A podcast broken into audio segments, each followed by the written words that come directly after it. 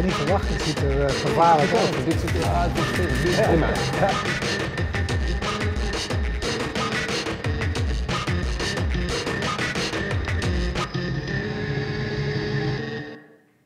Welkom bij Topnames, iedere dinsdagavond vanuit Freedom Lab in Amsterdam. Normaal gesproken natuurlijk traditiegetrouw met mijn vriend Stekel, maar die is aan het langlaufen in Noorwegen. Dus ik doe het in mijn eentje vandaag, maar natuurlijk met een gast en die gast is Ludo Hekman. Ludo, je bent van Lighthouse Reports. Wat doen jullie? Ja, wij zijn een uh, journalistiek uh, productiebureau. Dus we maken uh, journalistieke verhalen, journalistieke projecten. En daarbij gaat het vaak over vrede en conflict. En zoeken we naar manieren om op een andere manier of met opkomende technieken verhalen te vertellen. Dus ja, we kijken naar, zijn er manieren om een verhaal nog beter of voor een andere doelgroep te vertellen. Door het gebruik van opkomende technieken of andere manieren. Ja. Kun je daar voorbeelden van geven? Ehm, ja, we hebben door de jaren heen bijvoorbeeld een serie documentaire games gemaakt. We een game mechanisme gebruiken om, om verhalen te vertellen. En een tijdje terug hebben we um, een bootcamp georganiseerd, twee weken lang, um, fulltime, met een groep onderzoekers uh, een, een, groot onderwerp uh, aangepakt, waarin we dan voortdurend live verslag deden. En al onze vragen ook meteen transparant open zetten, ook via Twitter en, en website, zodat mensen konden meedoen, meezoeken. Daar leende het onderwerp zich heel erg voor. dus dat is eigenlijk op een, op een andere manier een heel, ja, een heel open, transparant manier van verhaal vertellen. Hey, voor zover ik de journalistiek ken, is er eigenlijk op dit moment in het algemeen geen droogbrood mee te verdienen. En als ik jou hoor, hebben jullie een arbeidsintensieve insteek gekozen. Uh, verdienen jullie geen droog brood of hebben jullie betere, uh, betere inkomstenstromen gevonden? Um, beide een beetje. dus er zijn, wel, er, zijn, er zijn manieren om, om toch geld te verdienen. Als je, zeker als je wat grote projecten doet, dan kan je daar fondsen voor, voor vinden. Ehm, en dat, dat, lukt ons met enige regelmaat, waardoor we dingen kunnen doen die, uh, die inderdaad soms enkele maanden of een half jaar duren. En ja, je moet genoegen nemen met gewoon een eh, modaal inkomen, wat ik prima vind. Maar, ja. En je zegt, wij, wij proberen um, nou ja, enerzijds verhalen te vertellen die niet verteld worden. Je zegt in, in oorlogsgebieden, daar gaan we zo direct nog eventjes dieper op in. Aan de andere kant zoeken we naar andere manieren om, om, om die verhalen te vertellen. Nou, het is natuurlijk altijd leuk om nieuwe en andere dingen te organiseren. Maar had, had jij, hadden jullie het idee dat de bestaande vormen uh, verandering behoefden? Dat, dat, dat, dat die niet meer aansluiten bij bepaalde publieken? Wat, wat was de, de belangrijkste reden om dit te gaan doen? Ja, ik denk dat we inderdaad, uh, dat is al lang, lang geleden hoor, maar dat we begonnen zijn vanuit het idee van we, we doen best wel veel moeite om een bepaald verhaal te kunnen vertellen, om ergens naar een moeilijke plek te gaan en naar mensen te spreken. En dus is het best wel onbevredigend als het, als het volgens in een krant komt met 800 woorden en een dag later eigenlijk weer eh, verdwijnt. Dus we zijn vanuit die soort onvrede op zoek gegaan naar zijn er andere manieren om, uh, om verhalen beter te vertellen. En ook bij een, bij een andere, in, het, in eerste instantie jongere doelgroep ook te kunnen laten landen. Dus dat, dat is wel een belangrijke reden geweest, maar we vinden het ook heel leuk. Dat zit ook wel in ons, in ons bedrijf om, om nieuwe dingen te doen. Om, om, om, te kijken van zijn er, kunnen we dingen verzinnen die Um, ja, die misschien nieuw, nieuw licht op een bepaalde techniek of op een bepaald verhaal werpen. Of kunnen we daarmee misschien dingen doen die onverwacht zijn of misschien wel hele toffe gevolgen hebben. Dat vinden we ook leuk. Ja. ja. en als je dan dat onderzoek gedaan hebt, um, bijvoorbeeld, laat, laten we zo direct eventjes over dat, dat Dutch Arms uh, hebben. Uh, track and Trace of the Dutch Arms uh, staat er op jullie website ja. te lezen. Dat ja, vorm van open source journalistiek omschrijven jullie het ook, ook zelf. dus een open onderzoek en tegelijkertijd beschikbaar maken van de gegevens is dan wat ik eraan, uh, wat ik eraan koppel aan het begrip. Is, dat, is dat wat ik erbij moet, erbij moet voorstellen? Ja, het, was, het, het, open source was ook, uh, moet ik even iets inleiden. Ja, vertel eventjes. Nederland is een heel grote wapenexporteur, top 10 wereldwijd al, al heel lang. Um, en die wapens komen op allerlei plekken terecht. En Nederland wil voorkomen dat die wapens in handen vallen van mensen die, uh, die mensenrechten doen of die betrokken zijn bij conflicten waar wij eigenlijk uit willen blijven. Nou, er zijn een aantal manieren voor om dat, uh, dat te voorkomen. Een daarvan is het, uh, het wel en niet afgeven van vergunningen om te mogen exporteren. Nou, dat, dat staat allemaal redelijk goed, uh, dat, dat, dat, werkt eigenlijk best wel prima. Behalve dat op het moment dat die vergunning vergeven is, dat er niet meer een standaard systeem is om te kijken waar komen die wapens nou echt terecht. En hoe ziet het er over twee, drie, vier jaar uit? En, en zijn die wapens nog steeds op de plek waarvan ze ja. zijn dat ze zouden aankomen? Dus we gaan kijken van nou, wat, wat zijn manieren om dat te onderzoeken.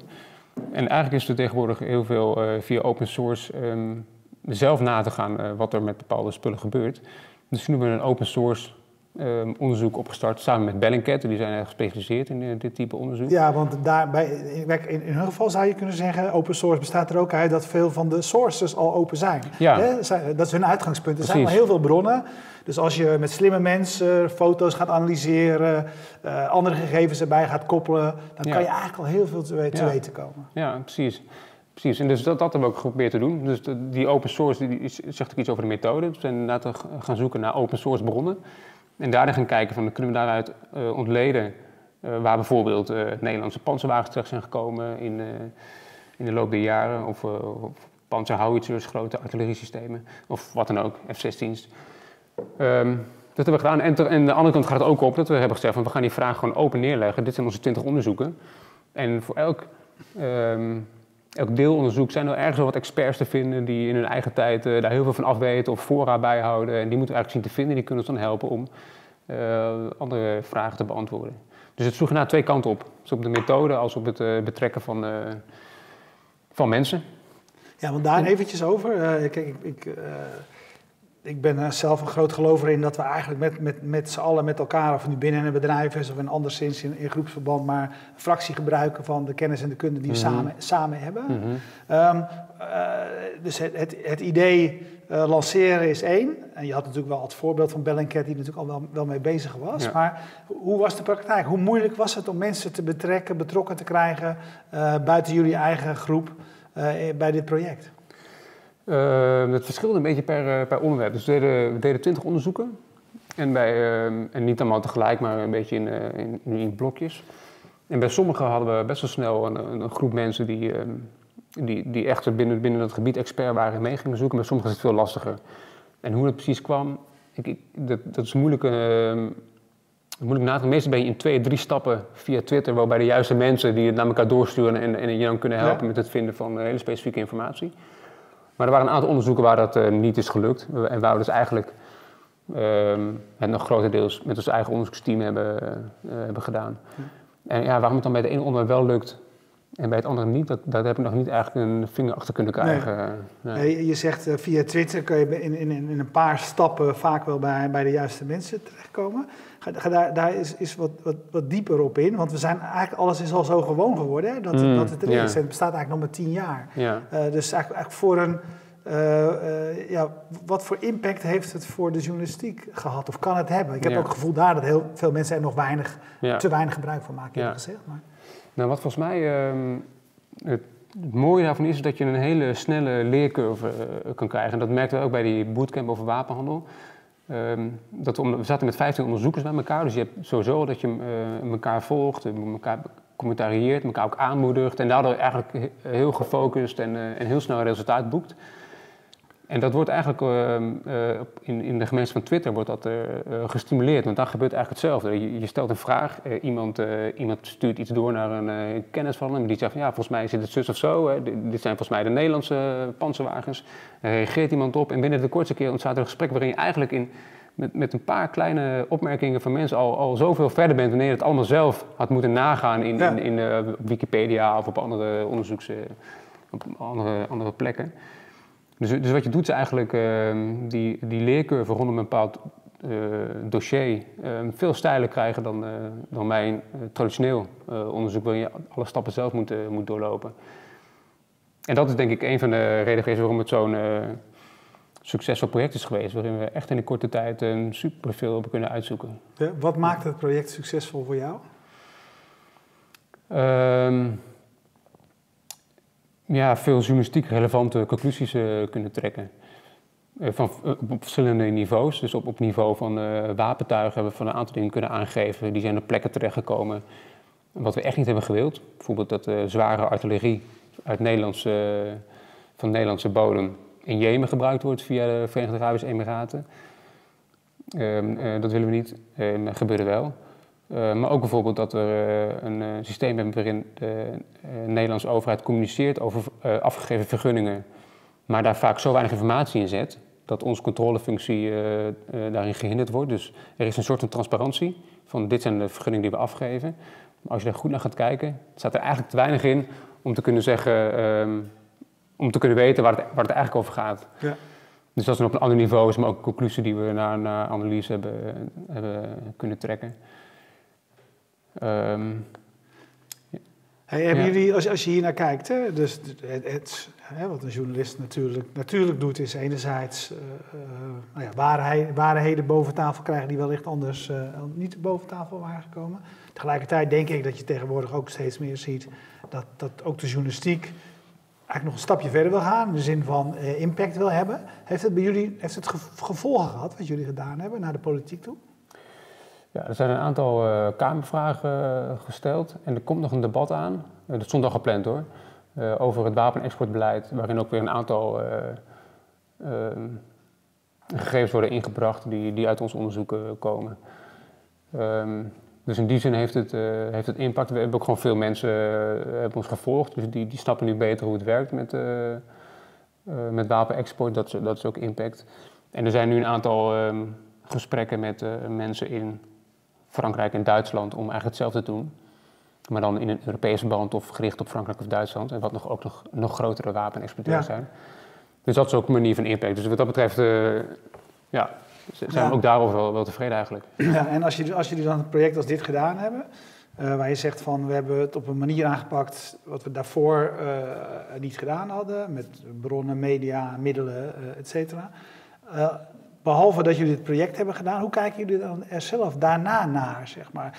Ga je er dan naar kijken, is dit een format? Is dit een, een, een dupliceerbaar iets? Eh, hoe, hoe, ga- hoe gaan jullie verder? Of hebben jullie eigenlijk zoiets, nee, we hebben laten zien dat dit gewoon waardevol is en we gaan weer iets anders, helemaal iets heel anders doen? Ja, eh, zo, dat is een goede vraag. We proberen eigenlijk telkens vaker om, eh, om dingen te kunnen gaan herhalen. Ook omdat dat gewoon efficiënt is. Ja, ja. Ehm, en bij dit, dit laatste project hebben we ook wel echt het idee dat we met die bootcamp een, eh, een format hebben wat, eh, wat zich ook echt wel laat eh, hergebruiken op, op andere dossiers. Ehm, Wie deden er aan die bootcamp? Wat waren dat voor mensen die aan die bootcamp meededen? ja, dat is ook wel interessant. Het waren mensen uit een aantal verschillende redacties. Dus dat is op zich al binnen de journalistiek best wel bijzonder. Dat je mensen uit, er was van Reporter Radio, van ehm, eh, de correspondent. ehm, en van Bellingcat dan, die hier, die hier aan meewerkte. Ehm, en een aantal eh, onafhankelijke onderzoekers. Uiteindelijk eh 15 mensen die eh, elkaar niet heel goed kennen, maar wel 15, eh, of wel twee weken lang eh hieraan eh, gewerkt hebben. Ehm, ja, dat, was- dat, dat is heel, eh, wat, wat ik zei, die leercurve was heel stijl. Ja. Dus we hadden daar dat het heel effectief was. Dus dat willen we absoluut vaker gaan doen. Ja, Ja, ja dus dat, eh, dan, is het ook, kan je het, dan kan je het misschien ook makkelijker... Ja, ik bedoel, ik zit ook altijd met het ding hoor, van ik, die inhoud is allemaal hartstikke mooi en zo. Jeetje, maar hoe maak je er geld van, man? ja. Eh, dus dan, in dit geval kan je misschien met een openere vraag, want wij hebben een methode waarin we met een Ja. groep mensen een, een, een vraag eh, kunnen beantwoorden, et cetera. Dus dan Ja. hoef je niet bij het wapenvraagstuk te beginnen, maar Klopt. dan kan je eigenlijk op alle terreinen doen. Klopt. Ja, nee, absoluut. Ja, dus dat zijn we ook nu ook aan het... eh, daar zijn we ook mee bezig. Dat is absoluut iets wat we willen gaan doen. Ja. ja. Eh, Eerder een voorbeeld wat je noemde, is hij een ander ding wat we gedaan hebben, is dat we gekeken hebben hoe, je, hoe we game-elementen, gamification konden toepassen. Kun je daar wat meer over vertellen?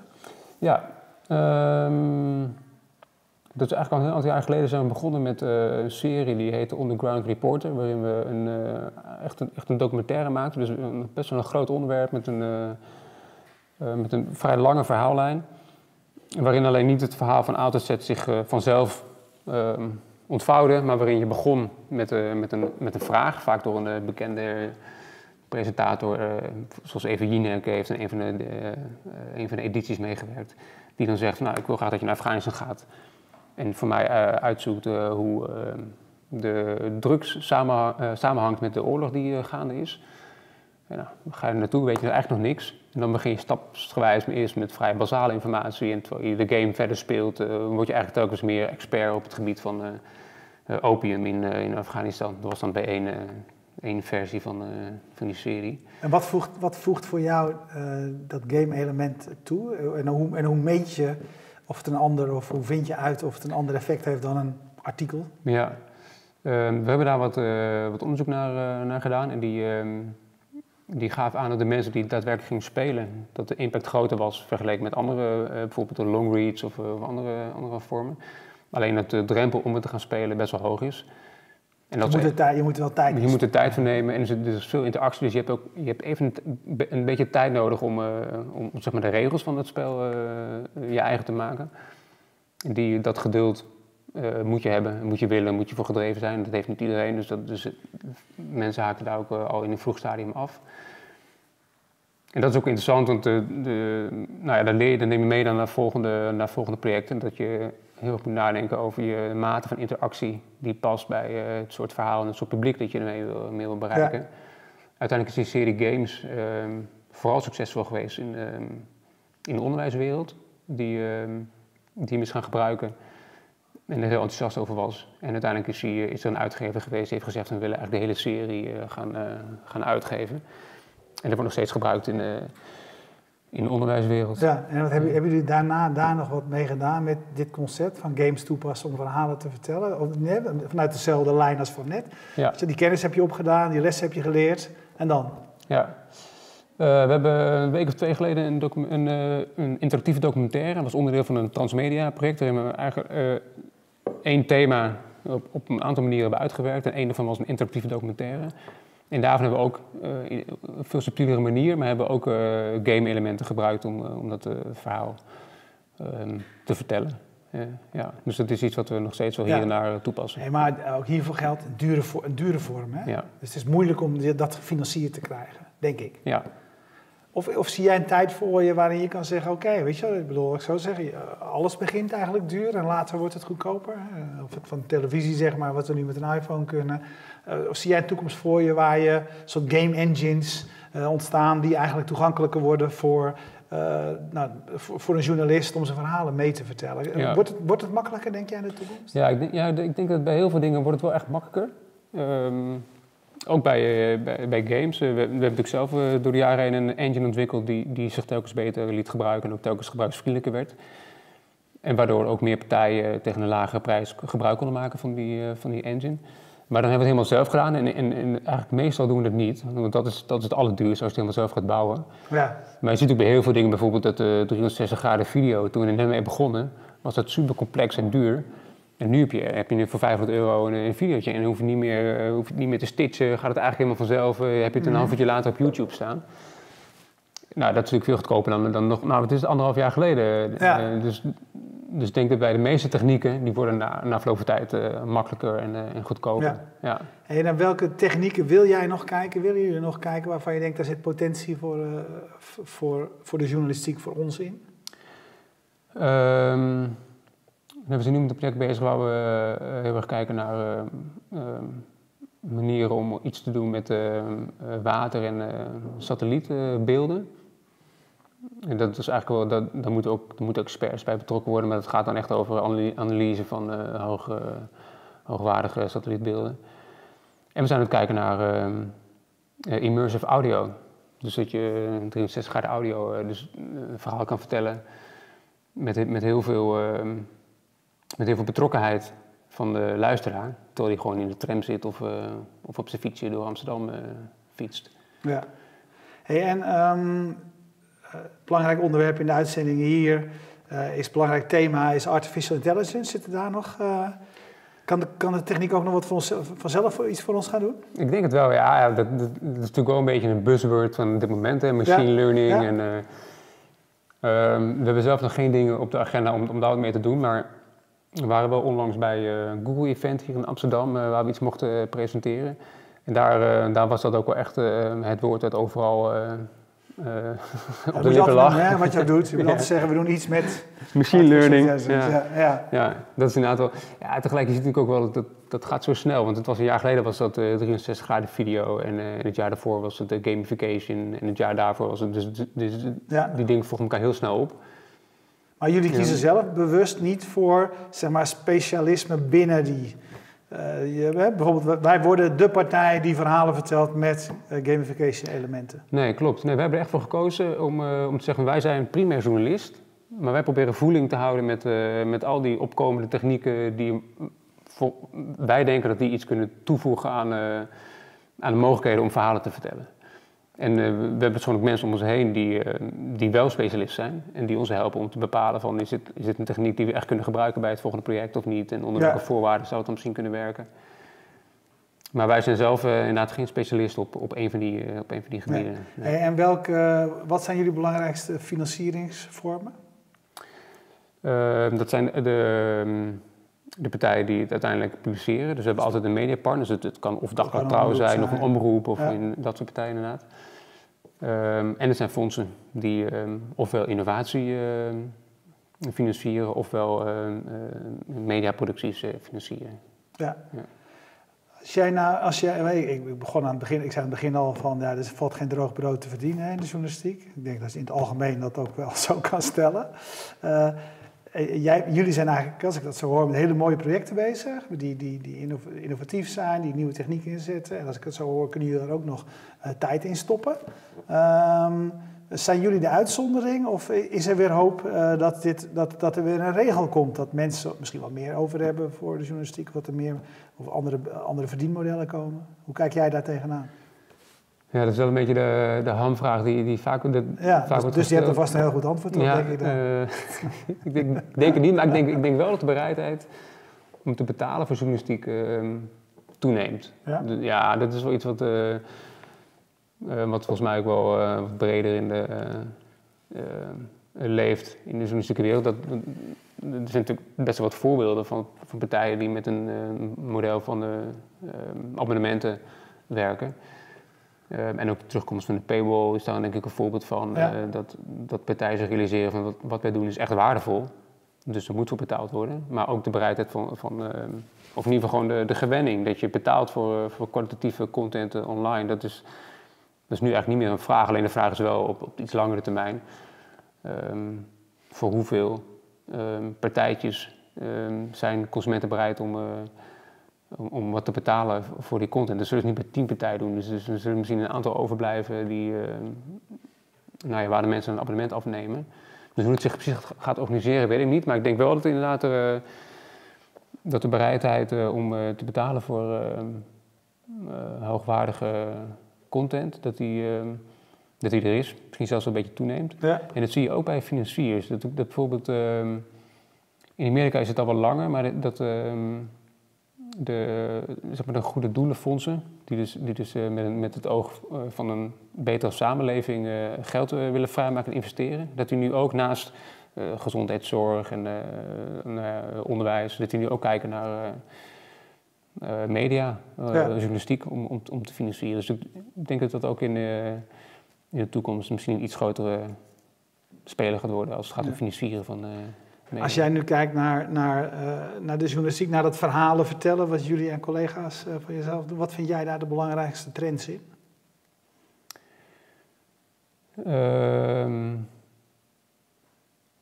En dat bedoel je dan... ehm, Op welke manier, of worden, worden, worden, verhalen echt op andere manieren eh, eh, verteld? Bijvoorbeeld, laat even YouTube erbij pakken. ja. Weet je wel, wat mensen is, is dat ze heel, heel erg belangrijk vonden. maar uiteindelijk is het, het is de democratisering van verhalen vertellen, wat het natuurlijk al geweest is. Maar heeft het echt andere verhalen eh, opgeleverd? Daar kan je over discussiëren. Audio, we hebben nu pod, de, podcast. Weet je wel, ja, meer mensen kunnen, kunnen geluid opnemen en verspreiden. ja. Maar levert het echt andere verhalen op? Ik denk het niet. Nee. Weet je wel, het is prachtig dat iedereen het kan. Wat ik eigenlijk vaak zie is, en ik, hoop dat het bij jullie zeg maar, anders gaat, is dat er eh, ook door de, door de financieringsvorm, en ik heb dat zelf ook gedaan, ik, zat, ik heb bij de VPRO gezeten, dus ik had de luxe dat wij de middelen hadden om, eh, om op andere manieren Ja. verhalen te vertellen. Maar elke keer als we deden, wist ik eigenlijk wel zeker, zonder deze, zonder deze financieringstroom ehm, blijft het niet bestaan. Het is te arbeidsintensief, et Ja. cetera. Dus als ik een klein beetje cynisch ben, dan Mhm. denk ik, weet je, heel, hele andere verhalen hebben we niet gekregen eh, de afgelopen. We hebben meer verhalen gekregen. Ja, ja. Ehm, Maar ik hoop dat ik ernaast zit. ja. Ja, hoop ik ook. Maar vind ik moeilijk om, eh, vind ik, vind ik moeilijk om, eh, om te voorspellen eigenlijk. Ja. Dus wij, ehm, ja, we zien natuurlijk wel dat, dat heel veel dingen komen en gaan na een tijdje. Dat is ook gewoon een beetje de, die eh, normale cyclus van een, van een hype. Waarin eerst heel veel wordt verwacht en dan heel veel mensen stappen erin. En dan blijkt het toch niet zo, niet zeg maar eh oplossing voor alles te zijn. En dan zakt het weer een beetje weg. En dan blijven er een paar partijen over die daar, eh, die Ja. daar echt wat beter mee worden. Maar dat is, dan, dat is dan puur de vorm. Inhoudelijk, ja, ik, ik ben zelf op zich wel, wel hoopvol over de herwaardering voor eh, onderzoeksjournalistiek. Ik heb het idee dat dat eh, nu eh, eh, meer en meer wordt, wordt gezien als toch best wel noodzakelijk voor, voor heel veel partijen. om zich te blijven onderscheiden van, van alle goedkope, gratis content. Ehm, en ik denk ook dat ehm, ehm, de constructieve journalistiek die eh, overal zich nu laat horen, dat daar ook een goede, dat het ook een waardevolle aanvulling is. En ook Mhm. eentje die misschien op de langere termijn eh, wordt geïncorporeerd in gewoon de mainstream Ja. eh, media. Hey, verhalen vertellen is, is aan de ene kant. Eh, verhalen boven water krijgen is, is, is een ander element van, van de journalistiek. Dit programma gaat eigenlijk over de impact van digitalisering op de samenleving, zou je kunnen zeggen, in de breedste zin van het woord. Als jij nou terugkijkt naar zeg maar, die afgelopen 20 of 25 eh, eh, jaar. Eh, hoe is voor een journalistiek bij zijn waarheidsvinding, het op boven water krijgen van verhalen, hoe is daar, wat is daarin veranderd? Hoe heeft de, techno- de technologie de journalistiek geholpen? Ehm, nou ik denk dat die, eh, de, die opkomst van de open source ehm, eh, onderzoek laten zien, laat heel duidelijk de kansen zien. Hè? De, de, de controlemogelijkheden zijn echt ongekend. Je kan in je, op je zolderkamer kan je een multinational gaan controleren of die doet wat die, eh, wat die belooft. Ehm, dus dat, dat is ik een voorbeeld van eh, best wel een positieve impact waarvan we nog niet... wa- waar nog misschien nog veel meer in zit dan we er tot nu toe hebben uitgehaald. Ja, het is ook echt, hele echt, eh, echt een beeld schetsen van hoe die impact is geweest van digitalisering op journalistiek. Vind ik, dat is wel een grote, grote vraag hoor. Oh ja, in ieder geval is het natuurlijk zo, wat je eigenlijk net zegt, wat op aansluit is, er is natuurlijk veel, laat ik zo zeggen, er is veel meer eh, beschikbaar gekomen. Hè? Ja. Het is de, de eh, databronnen, beeld, geluid, zeg maar bijna alles zou je Mm, kunnen ja. zeggen, komt beschikbaar. Daarna komt natuurlijk wel het punt van, oké, als alles beschikbaar is, hoe vind je dan wat waardevol is? En nou, daar hebben zou je kunnen zeggen, daar, hebben de, hè, daar heeft de datajournalistiek eh, Ja. eh, bij geholpen. Mensen die slim door, die dingen door, kunnen doorzoeken. Ja, Ik denk zelf dat Twitter daar eigenlijk nog, maar beperkt voor wordt gebruikt. Want volgens mij zit daar ook nog, eh, nog, nog veel meer in. Mhm. Maar je zegt, aan de ene, ja, tenminste, ik, nou, ik zit nu een soort antwoord ja geven, nee, dat is maar- prima. La- Laat even weten of je het met me eens bent en anders uh, geef je... Ja, dus ja, ik, ik denk zelf dat... eh, dus ja, dit zijn die twee kanten. Het is makkelijker geworden om verhalen te vertellen. En er, is veel meer, er zijn veel meer bronnen eh, beschikbaar. En mensen zijn veel bereikbaarder. Dus eigenlijk voor de journalistiek is het... Ja, zou ik denken, is het ook een fantastische tijd geworden. Ja. Ja, dus ik denk dat het daardoor makkelijker wordt ook om, eh, ehm, om je verhalen bij de juiste... je- eigenlijk is ook de, de kanalen ook gedemocratiseerd. Je kan zelf een platform vinden, je kan zelf je, je publiek Ja. bedienen. En toch zie ik eigenlijk dat het nog best wel belangrijk is om, eh, vinden wij in ieder geval, om met traditionele mediapartners samen te werken. Want? Ehm, omdat het opbouwen van een eh, eigen ehm, publiek, ehm, wat groot genoeg is om echt een beetje impact te hebben, dat is voor een partij die eh, niet dagelijks of wekelijks met producties komt, best wel lastig om, om, om te doen, hebben wij gemerkt. Vinden wij in ieder geval, misschien dat andere moet in partijen. de, daar zit in het DNA van de organisatie, zeg maar. Ja, en, en, en, en- ja, precies. En, en het heeft ook heel erg te maken met de ehm, geschiedenis van een, ehm, van een, ehm, ja, een merk of een, of een, eh, een label, een partij. Eh, en het vertrouwen wat het uitzaalt en, de, en, en toch ook een soort van kwaliteitsstempel die daarmee eh, Ja. mee gevoeld wordt in ieder geval. eh. Dus iedereen kan overal publiceren, maar jij zegt, eh, het, helpt ons toch, het is voor ons toch goed om het ja, te publiceren met ja. de trouw, met eh, de KRO, Ja. met... We hebben best wel eens over nagedacht hoor, om, eh, om te kijken van waarom, waarom gaan we niet gewoon eh, helemaal autonoom doen. Dat, we best wel, dat, dat is best iets waar we, waar we nog steeds wel eens over nadenken. Maar volgens nog denken we dat het, ehm, ehm, dat je impact groter is als je met een traditionele, media, traditionele mediapartner samenwerkt. Ja. Voor de financiering zal het ook gelden, denk ik. ja, klopt. Maakt het ook eenvoudiger. Je Klopt. moet ook, ook veel, veel fondsen eh, willen toch ook dat je een partij Ja. al hebt. Het ene fonds zal het een omroep zijn, de andere fonds zal het een, eh, Klopt. een krantenbedrijf of een ander bedrijf zijn. Klopt. Maar ook daar is het belangrijk voor. Die, die hechten er ook waarde aan. Ja. Klopt. Ja, zeker waar. Oké. Ja. Ja. Nou, super. Ik zou zeggen, blijf eh, mooie dingen doen en dan blijven wij ervan van genieten. Super. Dankjewel. Gaan we doen. Dankjewel. Jullie bedankt voor het kijken en we bedanken zoals altijd Freedom Lab van waaruit wij uitzenden Bier en Co voor de biertjes. Ik had, uh, ik weet niet wat hier staat, hoe dit biertje heet. In ieder geval is het een India Pale Ale. Het is van Oedipus uit Amsterdam. Die, uh, onze biersponsor is Bier Co uit Amsterdam. Dus uh, daarvoor dank natuurlijk. We hebben um, ehm, PQR, het bedrijf dat voor de hosting van de website zorgt. En uit Groningen Streamzilla zeg ik nog steeds, maar zij heet Jetstream, sorry. Uh, die is ervoor zorgen dat je ook live kunt meekijken. Uh, kijk je live, blijf dan kijken, want zo direct een, nieuwe uitzending, kijk je on demand, dan kun je het totale archief natuurlijk terugzien. Uh, ben je later ingeschakeld? Stekel en ik zijn nog steeds vrienden, maar hij is even op vakantie in Groningen. Hij is aan het langlaufen al daar. Dus normaal gesproken zegt hij het, vandaag zeg ik het. Dag.